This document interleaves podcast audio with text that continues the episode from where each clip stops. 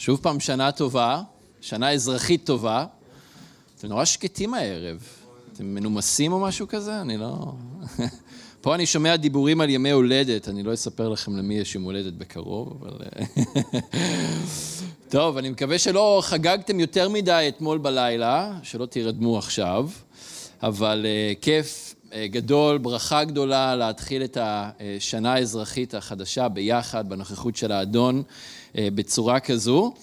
ואת שנת 2022 אנחנו מתחילים עם הסיום של האיגרת הראשונה אל תימותאוס. אז אנחנו עשינו אה, כברת דרך באיגרת, למדנו את כולה, והנה הגענו לחלק האחרון של האיגרת אה, הראשונה של שאול אל בנו הרוחני אה, תימותאוס. אנחנו נגיע גם לשנייה, אנחנו נלמד את זה יותר מאוחר בשנה בעזרת האדון. בשבת הבאה אנחנו נחזור לבראשית ואנחנו נחזור להתמקד, או נתחיל להתמקד בחיים של יעקב. זוכרים, זוכרים שלמדנו את חיי אברהם, אחרי זה למדנו את חיי יצחק, ועכשיו אנחנו נתחיל ללמוד את חיי יעקב גם כן. באיגרת הזו של אה, תימותאוס, הראשונה לתימותאוס, אנחנו למדנו אה, הרבה באיגרת המאוד מיוחדת, המאוד אה, אה, אה, עמוקה אה, הזו. הרבה דברים למדנו שנוגעים לקהילה, אלינו כגוף, כמכלול. לא רק אה, לקהילת כרם אל, אלא לגוף המשיח בכלל, אבל גם אלינו כאן בכרם אל בפרט. אה, דברים שנוגעים לסדר בתוך הקהילה, כן? אנחנו אה, גם למדנו הרבה דברים שנוגעים לחיים האישיים של כל אחד ואחת מאיתנו. והנה עכשיו אנחנו מגיעים לקטע הסיום, ממש קטע הסיום, ראשונה לתימותאוס, פרק ו', פסוק 17 עד 21, חמישה פסוקים אחרונים. אתם יכולים כבר לפתוח שם בתנכים שלכם, בטלפונים, באייפדים, איפה שזה לא יהיה. והנה בקטע סיום הזה, אה, שאול שוב אה, מצליח בחמישה פסוקים הקצרים האלה לחבוש גם את הכובע של השליח וגם לסיים בסופו של דבר עם הכובע של האבא הרוחני, עם אה, מילות עידוד, מסר עידוד אישי לטימותאוס. עכשיו, לפני שנקרא, אני רק אגיד שיש הרבה אה, פרשנים שסבורים שהקטע הזה כולו הוא אה, בגדר סוג של נ"ב. אתם זוכרים פעם כשהיינו כותבים מכתבים עם אה, עט, או עם עיפרון, עט נגיד, ו- ודף, כן, לא במחשב? במחשב לא צריך נ"ב, למה? כי קל לחזור ולתקן ולהכניס שורות באמצע. אבל פעם, כשהיינו כותבים מכתבים, לאף אחד לא היה כוח עכשיו לכתוב את כל המכתב מחדש, רק כדי להכניס עוד איזה משפט או שתיים באמצע המכתב. אז יש, יש סיכוי טוב שהחמישה פסוקים האלה היו בגדר נ"ב. נ"ב, אה, ראשי תיבות שנכתב בצידו, נזכרתי בסוף, כן, מה שזה לא יהיה, נזכרתי בזאת, כל אחד והמילים וה, אה, שהוא רוצה להכניס שמה. ובעצם שהסוף המתוכנן של שאול היה בפסוק 16, כשהוא משבח ומהלל את אלוהים ומסיים את זה במילה אמן, אבל אז הוא פתאום נזכר שיש עוד משהו שהוא רוצה להגיד, עוד שני דברים שהוא רוצה לומר, אז לא לוקחים את, אה, הנייר פפירוס שהיה אז בתקופה ההיא, משהו מאוד יקר ערך, משהו שאי אפשר סתם ככה לזרוק ולהעיף לפח אה, ולכתוב מחדש, גם הכתיבה של מי שאולי כתב בשבילו את האיגרת. אמ, אז פשוט עושים, אה, ממשיכים, אז יש כאלה שחושבים שזה בגדר סוג של נ"ב, אבל אמ, בכל מקרה, לנו זה דבר אלוהים, וגם כאן אנחנו נראה הערב שיש פה דברים, שני דברים שמאוד מאוד משמעותיים ומאוד מאוד רלוונטיים אלינו, כששאול מתייחס גם לעשירים וגם לטימותאוס עצמו. אז בואו תפתחו, אם עוד לא פתחתם, אנחנו נקרא ביחד, נתפלל, ואז נראה אה, מה יש בקטע. את עשירי העולם הזה צווה שלא ירום לבבם ולא יבטחו באושר שאין בו ביטחון, אלא באלוהים המעניק לנו את הכל בשפע להנאתו, להנאתנו. אמור להם לעשות את הטוב, להעשיר במעשים טובים, להיות נכונים לתת, להיות נדיבים, לאצור לעצמם אוצר טוב לעתיד, כדי שישיגו את החיים האמיתיים. תימותאוס, שמור את הפיקדון, סור מדיבורים טפלים וחסרי קדושה ומטענות ופרחות של מה שבכזב מכונה דעת. יש שהתיימרו בה וסטו מן האמונה. החסד עמכם, אמן. אמן. אז בואו נתפלל. אבא, אנחנו אה, מודים לך כן, שאנחנו יכולים להיות כאן הערב ו- ולהיות ביחד. אדון, אנחנו מודים לך שאנחנו יכולים לפתוח את השנה עם הלל אליך ועם לימוד של דברך. אדון, ואנחנו רוצים לבוא אה, לפניך ולפני דברך הערב. אה, אדון, עם, עם האוכל הרוחני שיש לך לתת לנו היום, אדון, עם לחם חוקנו שאתה חפץ להעניק לנו בערב הזה. אדון, אנחנו מודים לך שדברך היא ארוחה מלאה. אדון, שיש בו את כל הטוב ואת כל מה שאנחנו צריכים. אדון, כדי לגדול, כדי להתחזק אה, באמונה בך ובאדם הפנימי שבנו. אז אנחנו מתפללים שאנחנו קוראים את ה... אה, לומדים ביחד את המילים האחרונות האלה של אה, אה, שאול אל תימותאוס באיגרת הזו. אדון, אנחנו מתפללים שתדבר אל כל אחד ואחת מאיתנו. אדון, אנחנו מתפללים שתעשה את הפעולה הטובה שרק אתה יכול לעשות, דרך רוח קודשך, בכל אחד ואחת מאיתנו. אדון, אנחנו רוצים לפתוח את האוזניים ולפקוח את העיניים שלנו אליך. אדון, אנחנו רוצים לשים כל הסחת דעת בצד, אדון, ולהתמקד בך ולהתמקד בדברך, אה, אדון, וכן, לאפשר לך לעשות בנו את מה שאתה רוצה. אז אנחנו מכניעים את עצמנו לפניך, בשם ישוע. אמן. אני לא אשכח אה, לעולם את אה, אירוע בר המצווה שלי. אני בטוח אם אתם עשיתם אירוע בר או בת מצווה, אתם גם לא תשכחו. את אה, בר המצווה שלי אני חגגתי ממש כאן בתוך האולם הזה. אה, לפני הרבה שנים, אני לא אגיד לכם כמה, ואז היה לפני קהילת כרם אל, לפני שזה, האולם פה נראה מאוד מאוד שונה, הבמה הפעם הייתה אה, כאן בערך. אה, זה היה אירוע שהייתי מאוד לחוץ לגביו, הייתי מאוד נבוך. כשאני מסתכל על התמונות אני רואה שהייתי אדום כמו עגבניה. אני הרגשתי כמו דג מחוץ למים. ואם זה היה תלוי בי, אני לא הייתי עושה את האירוע בכלל.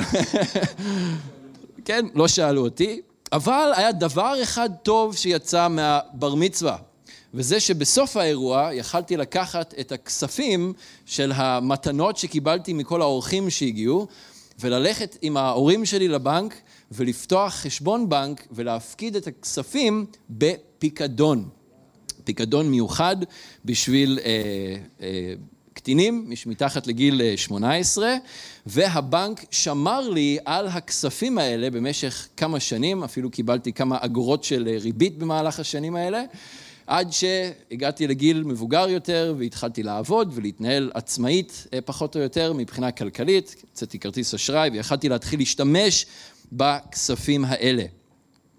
אז כאן, בסיום של האיגרת אל בנו הרוחני, שאול מתייחס גם לשני פקדונות. פיקדון כספי שהופקד בידי העשירים, ופיקדון הבשורה שהופקד בידיו של תימותאוס. מה זה פיקדון אתם שואלים? אולי חלקכם לא מכירים את המושג או לא מכירים בדיוק מה זה. זה יכול להיות אחד משני דברים. זה יכול להיות כסף ששומרים בבנק, שזה מה שאני התייחסתי אליו בבר מצווה שלי, אבל זה גם יכול להיות עצם, אה, כלומר חפץ או דבר בעל ערך שנמסר באופן זמני לשמירה או כעירבון אצל מישהו אחר. ואכן, שני הפקדונות ששאול מתייחס אליהם נוגעים בדיוק לשני הדברים האלה. פיקדון כספי אצל העשירים, כמו שאמרנו, וגם דבר בעל ערך, בעל ערך גדול מאוד, שהופקד אצל תימותאוס. אז בפסוקים 17 עד 19, שאול מתייחס לפיקדון הכספי של העשירים. הוא חוזר עוד פעם להתייחס לנושא הזה של העושר. עכשיו, אם אתם זוכרים בפסוקים 6 עד 10 בפרק ו', למדנו את זה לפני שבועיים, שאול התייחס גם כן לנושא של העושר, אבל מזווית אחרת. הוא התייחס שם מהזווית של אנשים, של אלו שאוהבים כסף ושל להוטים אחריו, אנשים שרודפים אחרי הכסף במטרה להתעשר, במטרה להרוויח יותר ויותר ממנו. ושאול הזהיר את האנשים האלה, מי שלהוט אחרי הכסף, מי שיש לו את אהבת הכסף, שזה שורש של אה, דברים מאוד אה, לא טובים, שהם נמצאים בסכנה חמורה. לסטות מן האמונה ולגרום לעצמם למכאובים רבים. וכנראה ששאול כבר הכיר אנשים כאלה שהיו להוטים אחרי הכסף והם סטו מן האמונה והם גרמו לעצמם למכאובים רבים. אבל כאן בקטע שלנו היום, שאול מתייחס לאלה שהם כבר עשירים. לא למי שרוצים להתעשר, אלא לאלה שהם כבר עשירים. שימו לב בפסוק 17, את עשירי העולם הזה צווה. אז הוא מתייחס לא למי שלהוט אחרי הכסף כדי להתעשר, אלא לאנשים שהם כבר עשירים. אנשים שכבר יש בידיהם כסף ונכסים ארציים רבים. הרי מי שיש לו כבר עושר ארצי, הוא לא רודף אחרי כסף כמו, ש, כמו מי שאין לו, אבל הוא רוצה להגיע לשם, הוא רוצה להגיע למקום של ההתעשרות, למרות שהרבה גם אומרים שלא באמת מגיעים למקום שזה מספק, נכון? תזכרו גם שבאפסוס, או שאפסוס הייתה עיר מאוד מאוד עשירה. אפסוס, העיר, זה, היא, ישבה שם על אה, ציר אה, מסחר וציר תנועה מאוד מרכזי באימפריה הרומית, הרבה סחורות עברו אה, דרכה, היה, הייתה שם גם הרבה מאוד עבודת אלילים ומקדשים גדולים שמשכו הרבה אנשים, אז העיר הייתה מאוד עשירה. תחשבו על ניו יורק, לונדון, סן פרנסיסקו, הונג קונג, ערים כאלה גדולות, מרכזיות, ערי נמל, ערי מסחר גדולים, אז הם מושכים אליהם הרבה מאוד אנשים, הם מושכים אליהם הרבה מאוד כסף. ובערים איפה שיש הרבה כסף, הרבה אנשים, הרבה תנועה, אז יש גם הרבה אנשים עשירים. וככה היה המצב בקהילה באפסוס. היו לא מעט אנשים שהיו מאוד אה, עמידים, מאוד עשירים. ולכן שאול הרגיש את הצורך להתייחס גם לנושא העושר מצד אלה שהם כבר עשירים. כי גם להם ערבו סכנות שהוא רצה להזהיר אותם מפניהם. שאול מזהיר את העשירים מפני שתי סכנות שאנחנו רואים בפסוק 17. אה, את עשירי העולם הזה צווה שלא ירום לבבם ולא יבטחו בעושר שאין בו ביטחון, אלא באלוהים המעניק אה, לנו את הכל בשפע להנאתנו. אז הוא מזהיר אותם, את העשירים, מפני שני דברים כאן. דבר ראשון, הגאווה שנובעת מהעושר, ודבר שני, הביטחון שנוטים לתת בעושר ובנכסים ארציים, במקום לשים ביטחון באלוהים. אז הגאווה של העושר, אנחנו כולנו נראה לי יודעים ומודעים לזה שעושר, כסף ארצי, אה, מביא איתו לתחושת עליונות ותחושת מסוגלות אה, על אנשים אחרים. חלק מהעשירים הביעו את העליונות הזו כלפי אחרים, למי שהיה פחות מהם בקהילה באפסוס. עכשיו, מה שמדהים זה שבקהילת האדון, בכל מקום, לא משנה כל כך לאן הולכים אפילו, בכל מקום יש אנשים בקהילה מכל עם, מכל מין, כן, יש רק שניים, זכר ונקבה, אבל זה כולם, מכל מין, מכל עדה, וגם לרוב מכל מעמד סוציו-אקונומי.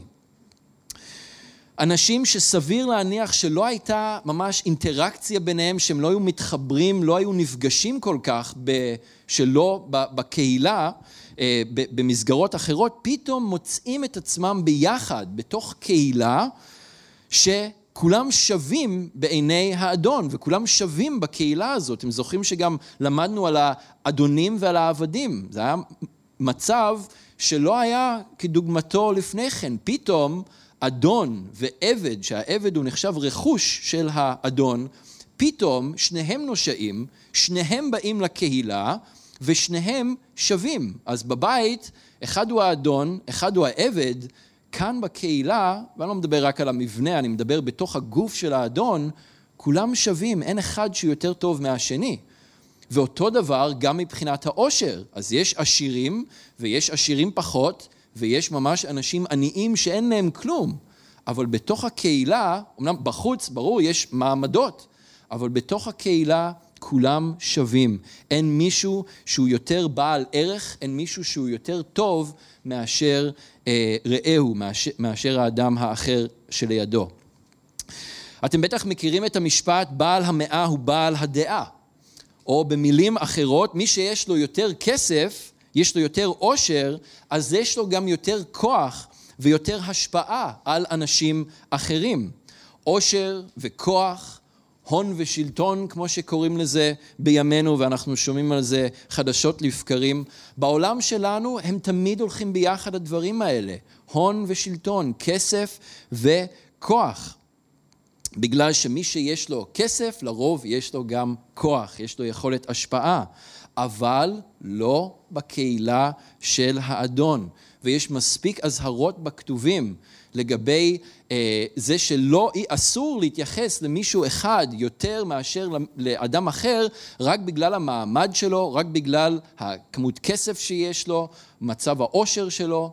אנחנו כולנו שווים והיחס לכולם חייב להיות אותו הדבר. אבל אנחנו יודעים שבעזרת עושר, בעזרת כסף, אפשר לעשות הרבה דברים. אפשר לפתור הרבה בעיות. לא הכל, אבל אפשר לפתור הרבה בעיות. הרבה פעמים עושר מביא איתו אה, בעיות אחרות, שכשאין לך עושר גדול, כשאין לך כס, הרבה כסף, אז אין לך את הבעיות האלה, אבל סך הכל אפשר לומר שבעזרת כסף אפשר לפתור הרבה דברים בעולם הזה. אבל לכן גם אלוהים הזהיר, למשל, את עם ישראל בדברים ט"ז, פסוק 19, אה, ואמר, לא תיקח שוחד, כי השוחד יעוור עיני חכמים ויסלף דברי צדיקים. עושר, כסף, יכול לקנות אנשים, וכסף יכול לקנות מצבים, להשפיע, להטות אה, מצבים גם כן. גם בתוך הקהילה, ואנחנו ראינו את זה גם בתוך האיגרת, אתם זוכרים עם הנשים שהיו מתגנדרות ולובשות אה, ככה תלבושות שהיו רק לאנשים העשירים ביותר, וכנראה שגם אה, בזכות הכסף והעושר הגדול שהיה להם, הם ניסו להשפיע על מה שקרה ועל מה שהתחולל בתוך הקהילה, ושאול אמר, לא, לא, לא, לא יהיה בתוך הקהילה. אז אנחנו כולנו יודעים איזה כוח ואיזה השפעה יש למי שיש לו עושר גדול, הרבה כסף, גם העשירים כמובן יודעים את זה. אמ, כולנו שומעים גם בחדשות על הטייקונים למיניהם ועל העשירים, גם בארץ וגם בעולם בכלל, שמשפיעים על הפוליטיקאים שלנו וגם במקומות אחרים, אה, איך שהם משפיעים ומטים מדיניות אפילו של המדינה, איך שהם משפיעים על חוקים שנחקקים, עד כדי כך לכסף יש כוח ולכסף יש השפעה לשנות את הדברים לטובתם. ולכן שאול אומר בצדק רב שהסכנה, אחת הסכנות שאורבות למי שיש לו עושר ברמה כזו, אה, זה ההתרוממות של הלב שלהם, הגאווה הזו, המחשבה הזו שאני יותר טוב מאחרים, אני יותר ראוי מאחרים, לי מגיע יותר מאשר לאחרים.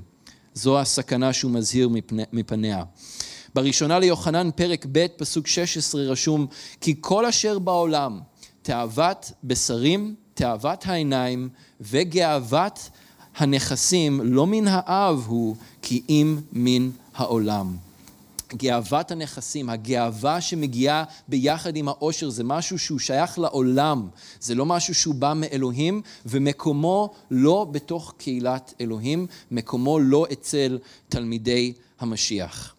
אז זה היה הדבר הראשון שהוא הזהיר מפניו, הגאווה של העושר. הדבר השני היה הביטחון של העושר, כן?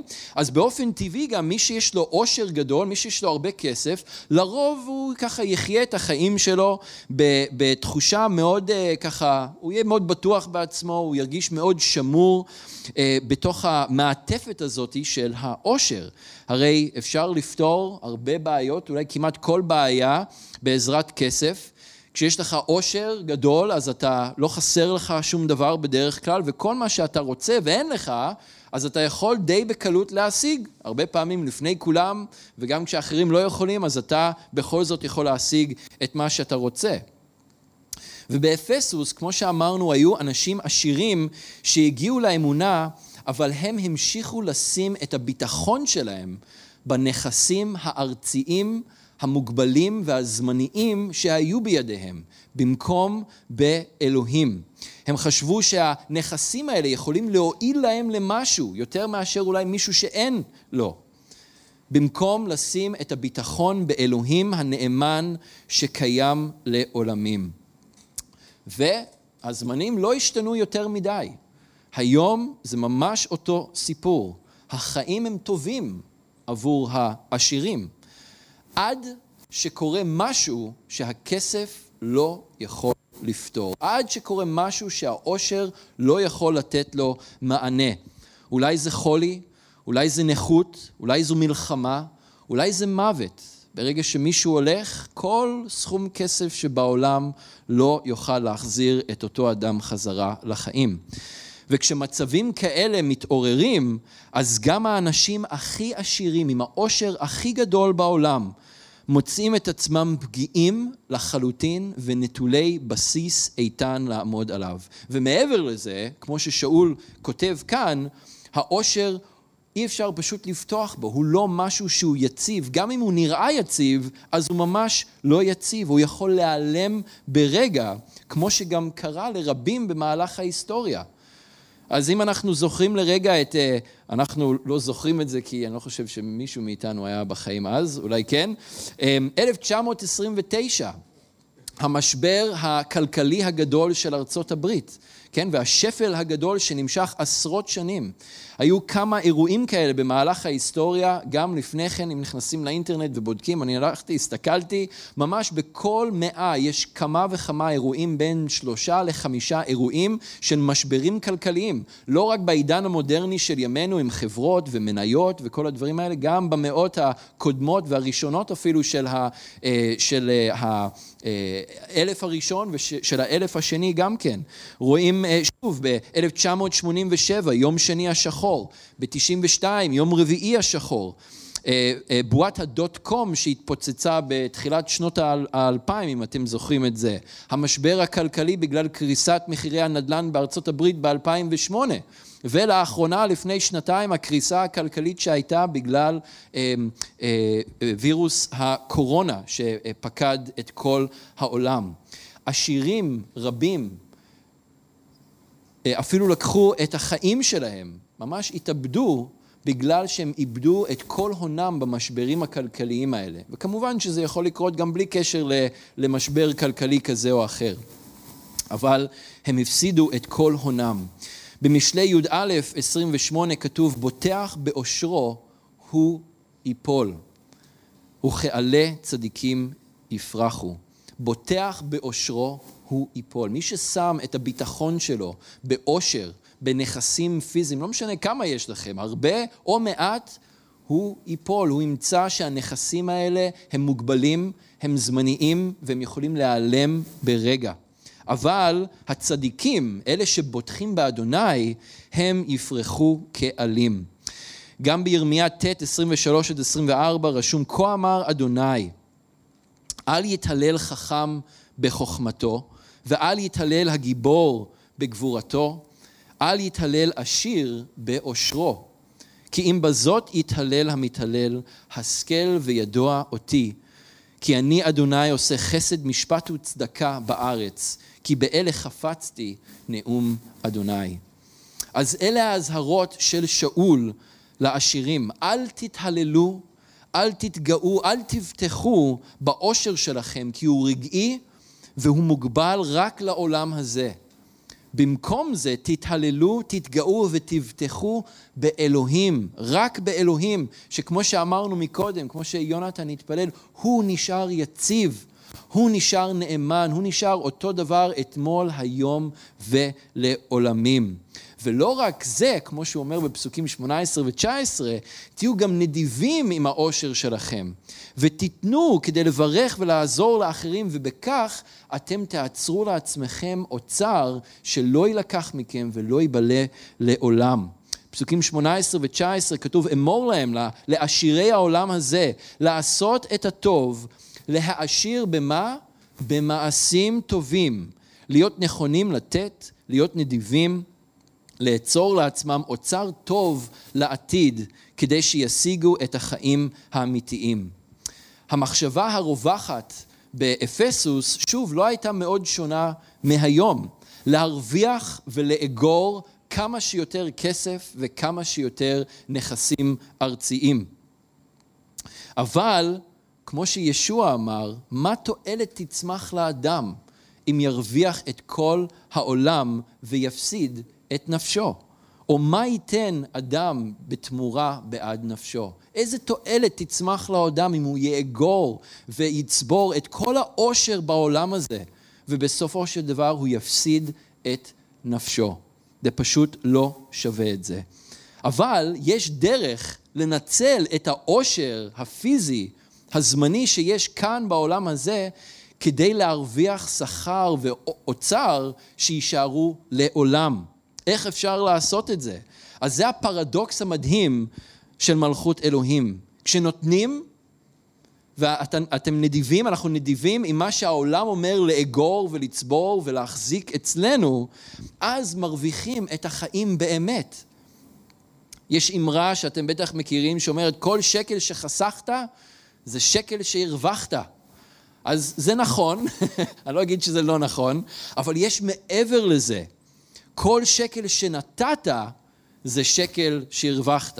אז אני לא, לא, לא חושב שיש שקלים בשמיים, אבל כל משהו שאתם נותנים זה משהו שאתם מרוויחים אחר כך באוצר שמימי. ישוע התייחס לזה בכמה מקומות, לוקאס י"ב 33, הוא אמר, מכרו את נכסיכם ותנו לצדקה, אסור לכם ארנקים שאינם מתבלים, אוצר לא מתכלה בשמיים, במקום שאין גנב מתקרב לשם ואין האש משחית. בעצם אותם דברים במתי ו', אה, בניסוחים קצת אחרים, אל תעצרו לכם אוצרות על ידי אדמות. אל תעצרו לכם אוצרות על ידי אדמות. פשוט לא שווה את זה.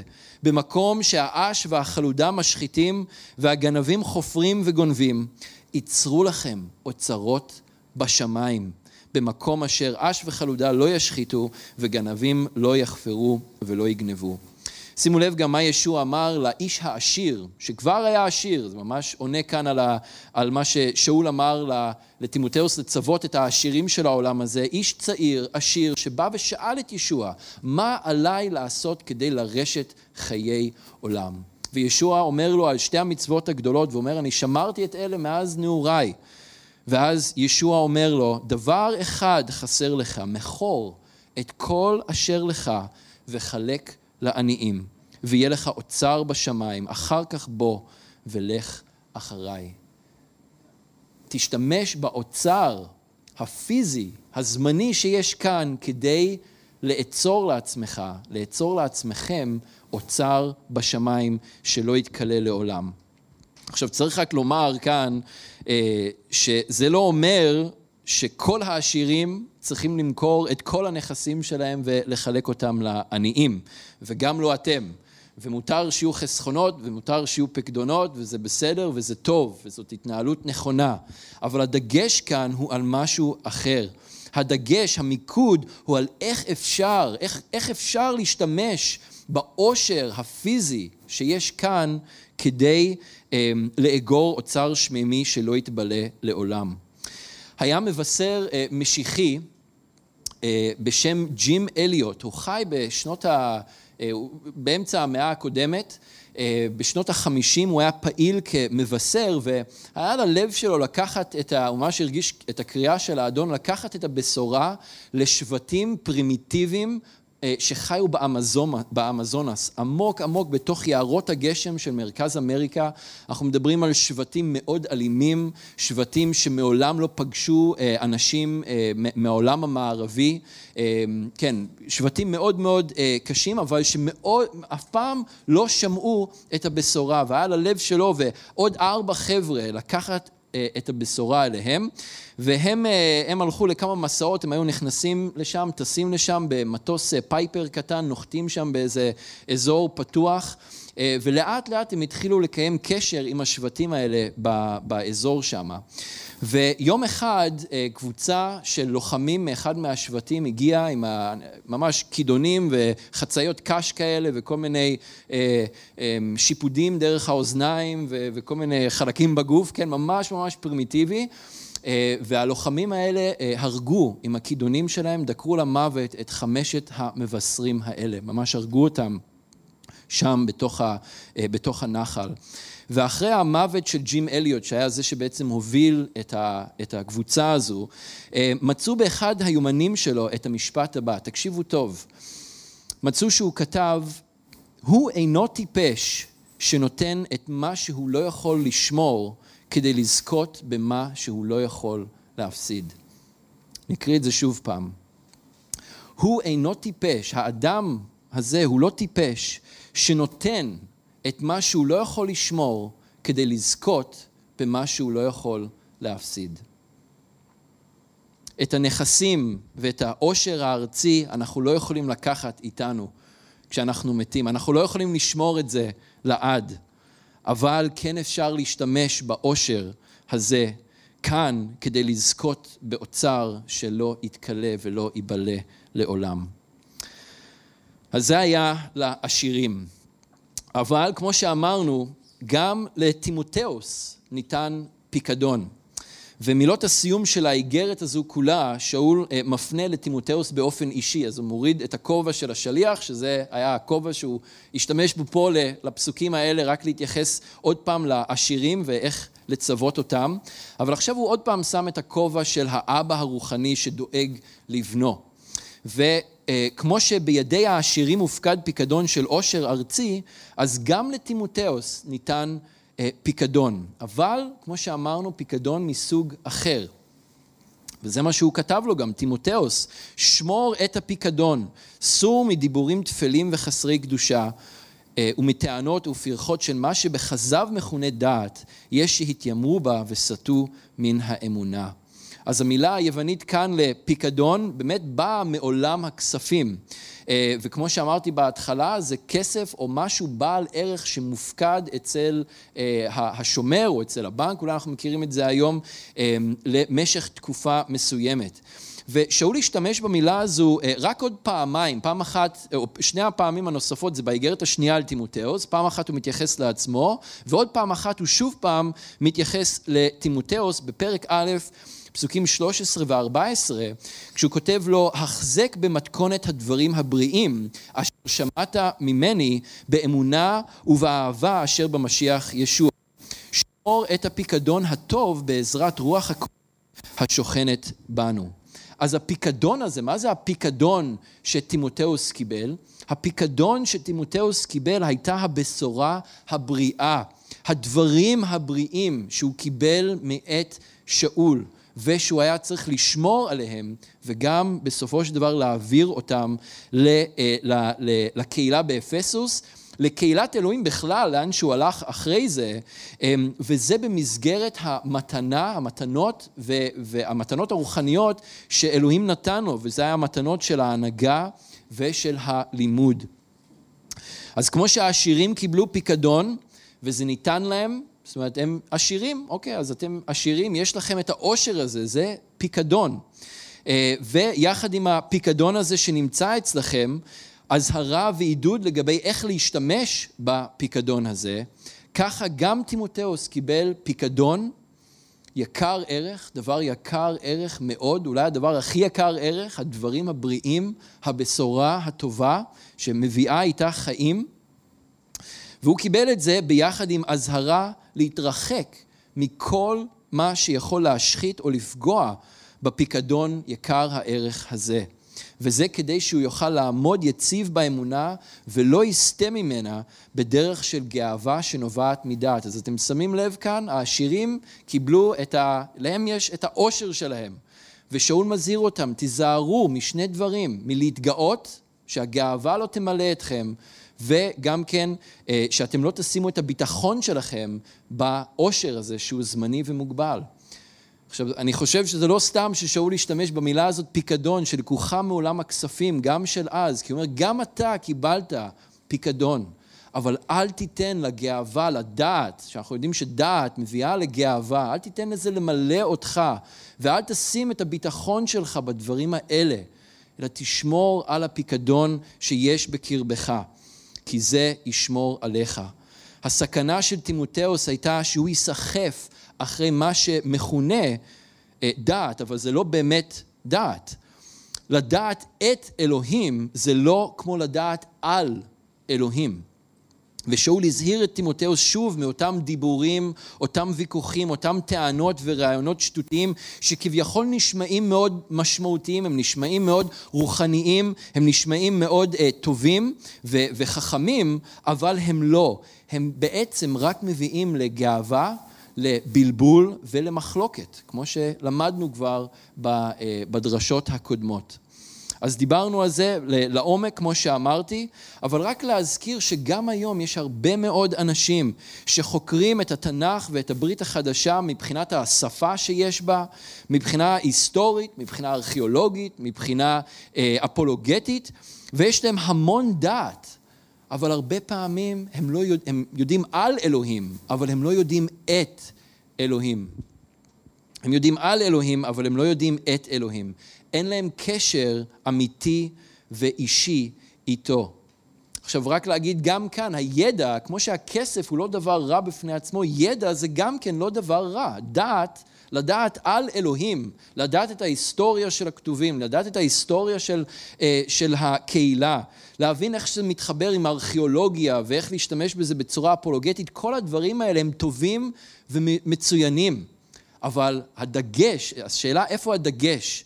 הדגש, המיקוד הוא לא על הדברים האלה. המיקוד לא בדברים האלה, הביטחון הוא לא בדברים האלה.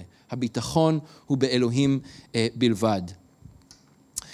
אז המסר של שאול לעשירים היה, תעשו שימוש טוב בפיקדון הכספי שיש ברשותכם, תנצלו אותו כדי להעשיר במעשים טובים אמ, ובשכר שמימי שלא יילקח מכם. המסר לטימותאוס היה, תשמור על הפיקדון, יקר הערך שהופקד אצלך, הבשורה הבריאה, ואל תאפשר לשום דבר להרוס או לגנוב או להסיט אותך מהקריאה שלך באדון. אז אני לא חושב שיש אה, מישהו כאן בקהילה שאפשר להחשיב אותו כעשיר במונחים, של, במונחים ארציים ובמונחים של, אה, של המדינה שבה אנחנו אה, חיים. כולנו אנשים מן היישוב, כמו שאומרים, עם מצבים כלכליים שונים, אבל אף אחד פה אני לא חושב שהוא עשיר, אם יש כאן מיליונרים סודיים בקרבנו, אולי אנשים שהשקיעו בביטקוין או משהו כזה, אז תשמרו את זה לעצמכם. אבל אה, אתם בטח חושבים, מה זה קשור אליי? אני לא עשיר, אני לא מעשירי העולם הזה. אני גם לא מורה בקהילה או מנהיג בקהילה, אז איך הדברים האלה קשורים אליי? אז נכון, במונחים של אה, מדינת ישראל, אף אחד מאיתנו הוא לא עשיר, אבל אני רוצה להגיד לכם שבמונחים גלובליים, כולנו עשירים מאוד. כולנו עשירים מאוד. וגם אם אתם לא מורים או מנהיגים בקהילה, הבשורה הבריאה הופקדה גם בידיים שלכם. להגיד רגע למה אני אומר שכולנו עשירים מאוד. אם היינו יכולים לצמצם את האוכלוסייה של העולם, לא יודע כמה יש, 10, 11 מיליארד, בואו נגיד שזה 10 בשביל השלמות, 10 מיליארד איש, לכפר גלובלי קטן של 100 אנשים. אני רוצה לתאר לכם איך היה נראה הכפר הגלובלי הקטן הזה של מאה אנשים. 70 אנשים מתוך המאה לא היו יודעים קרוא וכתוב. רק אחד היה בעל השכלה אקדמית, 50, חצי, היו סובלים מתת תזונה בגלל שאין להם גישה ויכולת לקנות, לקנות אוכל אה, נורמלי. 80 80 אחוז, 80 מתוך המאה, 80 אחוז היו חיים בדיור שאינו ראוי למגורים של בני אדם, אוקיי? Okay?